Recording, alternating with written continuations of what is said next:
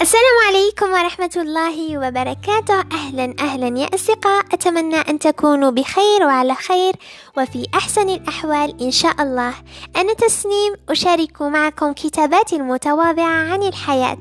محاولة تبسيطها وجعلها طرق للتعلم. وها نحن ذا في حلقة جديدة من بودكاست جرعة أمل. وجرعة أمل هو بودكاست جزائري يتكلم حول مواضيع الحياة المختلفة. والبحث عن طرق التعلم منها. إذا فلنصلي على سيدنا محمد صلى الله عليه وسلم ولنبدأ الحلقة الآن.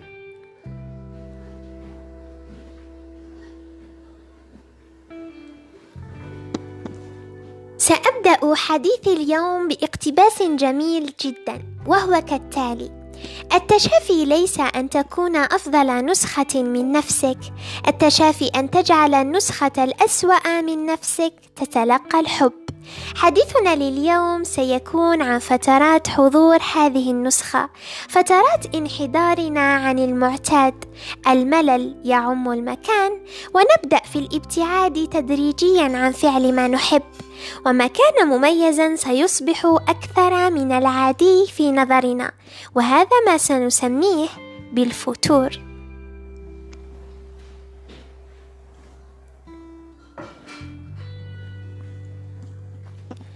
الفتور مرحلة صعبة جدا ولكنها في نفس الوقت عادية. ستسألونني كيف؟ كيف لمرحلة صعبة في حياة الإنسان يمكنها أن تكون عادية في نفس الوقت ويجب أن يعيشها؟ لأن الحياة يا أصدقاء ميزانين فتراتها وأحداثها تتراوح بين هذين الميزانين أحداث جميلة وأحداث سيئة فترات جيدة وفترات ليست جيدة إلى ذلك الحد. ولكي نعرف معنى الشيء يجب أن نتذوق ما يعاكسه لنقدر تلك النعمة التي نمتلكها. لن أنكر أبدا أن الفتور يصنف بين قائمة الأشياء الأسوأ التي قد تحدث في حياة الإنسان. ولكن كذلك طريقة تعاملنا مع أنفسنا وطريقة آه التشافي أو معالجة هذه الفترة كذلك مهمة جدا. لنكن واقعيين قليلا يا أصدقاء. يعني يجب أن لا نتوقع من أنفسنا أن نعيش على نفس الموال حياة يعني كل الحياة. مثلا أن نكون إيجابيين أو نكون بنفس الرغبة أو بنفس التحفيز أو بنفس الطاقة أو بنفس نعلم يعني بنفس المزاج دائما. لا لأن الحياة تحتوي على تقلبات كثيرة ويجب أن نتأقلم مع هذه التغيرات في بعض المرات. ويعني نتقبل أن الحياة لن تكون دائما خط مستقيم ولكنها ستكون عبارة عن متعرجات. إذا الآن سنتحدث عن الحلول يعني كيف أتعامل مع الفتور بطبيعة الحال أنا سأحدثكم عن تجربة لي يعني بطبيعة أي شخص سيسمعني الآن يكون قد مر بهذه الفترة ولو لمدة صغيرة. يعني الفتور شيء يلازم الإنسان في كل الأشياء. إذا فلنتحدث عن أول حل وأول نصيحة يا أصدقاء عش مشاعرك. عش مشاعرك وأعطي لكل ذي حق حقه يعني هذه الجملة تختصر كل شيء كيف أعيش مشاعر سلبية؟ كيف أتقبل أن أكون في مود سيء ومزاج سيء وأنا لا أفعل شيء؟ لكن يا عزيزي المستمع تذكر أنك إنسان والإنسان تختصر ما سأقوله يعني أنت إنسان أنت بشر أنت لست يعني كائن لا آه لا يسقط كائن لا يخطئ يخطئ عفوا كائن لا يشعر لا أنت إنسان لديك آلاف أنواع الشعور وتمر بفترات صعبة وفترات ميسرة. وهذه هي الحياة يا أصدقاء لو سألت أي شخص منكم أن الفترات الصعبة التي مر بها أو الأحزان سيقول لي بكل تأكيد أنني تعلمت ولو شيء صغير من ذلك الحزن أو خرجت من تلك المعركة مع أحزاني بشخصية أقوى. لذلك أول شيء عيشوا مشاعركم. عيشوا حقكم في الحزن. لديكم حق في الحزن. لديكم حق في الملل كما لديكم الحق في السعادة يا أصدقاء. ستقولون كيف لدي الحق وربما البعض سيعارضني لكن ليس ليس الجيد أن أكبت تلك المشاعر وأستمر في الحياة كأن شيئا لم يكن وأنا أكبت تلك المشاعر وأقنع نفسي أني شخص لا يسقط أني شخص لا يشعر أني شخص لا لا يمكن أن يستسلم للألم. لا استسلم. استسلم وعش مشاعرك وانهض من جديد. أن تكون حزين أو أن تبكي أو أن تعبر عن مشاعرك أو أن تكون في تلك الحالة سيئة. ليس المعنى أنك ضعيف. ليس المعنى أنك لن تكمل الحياة. لا أنت تأخذ فترة راحة وستنهض من جديد. إذا هذه النقطة مهمة جدا يا أصدقاء. لا ترفضوا مشاعركم. عيشوها ولكن لا تجعلوها تسيطر عليكم. يعني ما تخلوش هذه الحاجة تسيطر عليكم. بالعكس أنت عيشها مد لها حقها. بصح يجي وقت وين لازم تنوض. يجي وقت وين لازم سي تعاود تكمل حياتك من من أول وجديد. اذا هذه آه، أول نقطة. ثاني نقطة كذلك ربما مرتبطة بها قليلا الواقعية أو الوسطية. يعني كما تريدون كن واقعيا. صراحة الواقعية كنت أسمع بها وكنت أطبقها أحيانا ولكن لم أشعر بها إلا في فترة الفتور التي دامت طويلة التي كانت طويلة نوعا ما. كن واقعيا. تذكر أنك إنسان يا أصدقاء. لست رجلا آلي. لا تتوقع من نفسك أن أن تفعل كل شيء مثالي.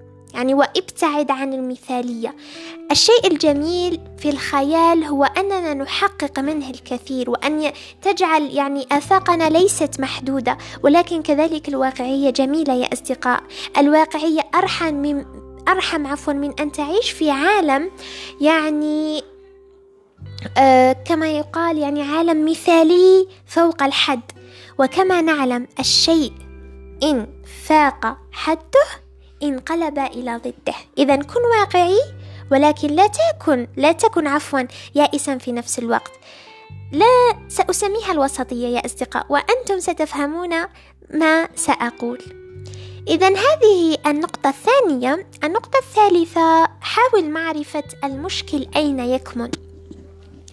في بعض المرات أسباب الفتور هي فترات صدمة أو فترات حزن.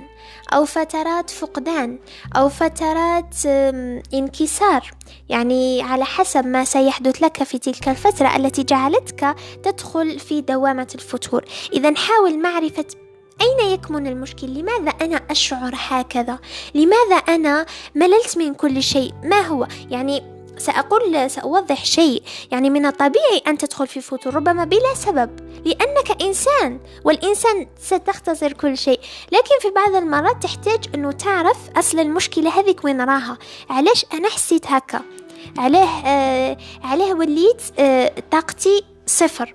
يعني إذا كاين مشكل يجب حلها أو يجب على الأق... على القليل عفوا إذا كانت لا تستحق كل ذلك الحجم الكبير يجب أن نحجم المشكلة على قدرها. أفهمتوني. إذا هذه النقطة الثالثة وربما هذه النقاط المهمة. أما عن الاقتباس يعني كما قلنا التشافي أن تجعل النسخة الأسوأ منك تتلقى الحب. أرأيتم تلك النسخة التي تحضر في مرحلة الفتور؟ حاولوا أن تحبوها. حاولوا أن تتقربوا منها. حاولوا أن تعطوها حقها كذلك. يعني بمعنى أصح في تلك الفترة ما تعاملش روحك على أنك إنسان ما لازمش يعيش هذيك الفترة. ما تعاملش روحك على على أنك إنسان راك رافض رفض تام إنه تدخل في مرحلة فتور لا بالعكس. لا. حاول تعرف وش كاين حاول تتعامل وحاول تمد لنفسك الاهتمام أكثر. بالك كاينة حاجة اللي خلاتك تنحدر؟ لأنه جوانب الحياة يا أصدقاء كثيرة. وكل كل واحد فينا عنده جوانبه الخاصة يعني أنا هذه نؤمن بها كل واحد على حساب حياته وعلى حساب الجوانب اللي أثروا فيه. يعني هذا شيء آه شيء آخر. إذا آه النقطة الأهم تركتها للأخير وهي القرب من الله عز وجل. ستقولون لماذا لم تبدأي بها؟ هي الأهم يا أصدقاء وسأتحدث عليها ربما كثيرا. ما أجمل القرب من الله عز وجل؟ ما أجمل ال ال كيف نقول يعني الدعاء؟ ادعو الله عز وجل أن يوفقك. ادعوه أنه يرجعك للطريق يعني الأصح والطريق اللي كنت فيه والعمل والشغف تاعك. وأكيد ربي سبحانه راح يعاوننا أكيد ربي سبحانه أي شيء يكتبه الله عز وجل فيه خير. حتى ولو لو لم نعرفه في تلك اللحظة لكن سنعرفه بعد يعني أيام أو بعد فترة سندرك حكمة الله عز وجل. إذا وفقكم الله. يا أصدقاء هذا الحديث كان حديث عفوي أكثر كان حديث من القلب كان حديث من تجربة شخصية. أهم شيء هونوا على أنفسكم. هونوا على أنفسكم. إذا هذه هي هذه النقطة جميلة جدا. حتى كلمة هونوا جميلة جدا يا أصدقاء. أشعر أن فيها معاني رائعة. هونوا على أنفسكم. إذا هذه هي حلقة اليوم وهنا نكون قد وصلنا إلى نهاية الحلقة. إذا نلتقي في حلقة جديدة إن شاء الله. أعلم أنني كررتها الكثير. إذا لا تنسوا زيارة صفحة البودكاست على منصة الإنستغرام سأترك لكم جرعة أمل.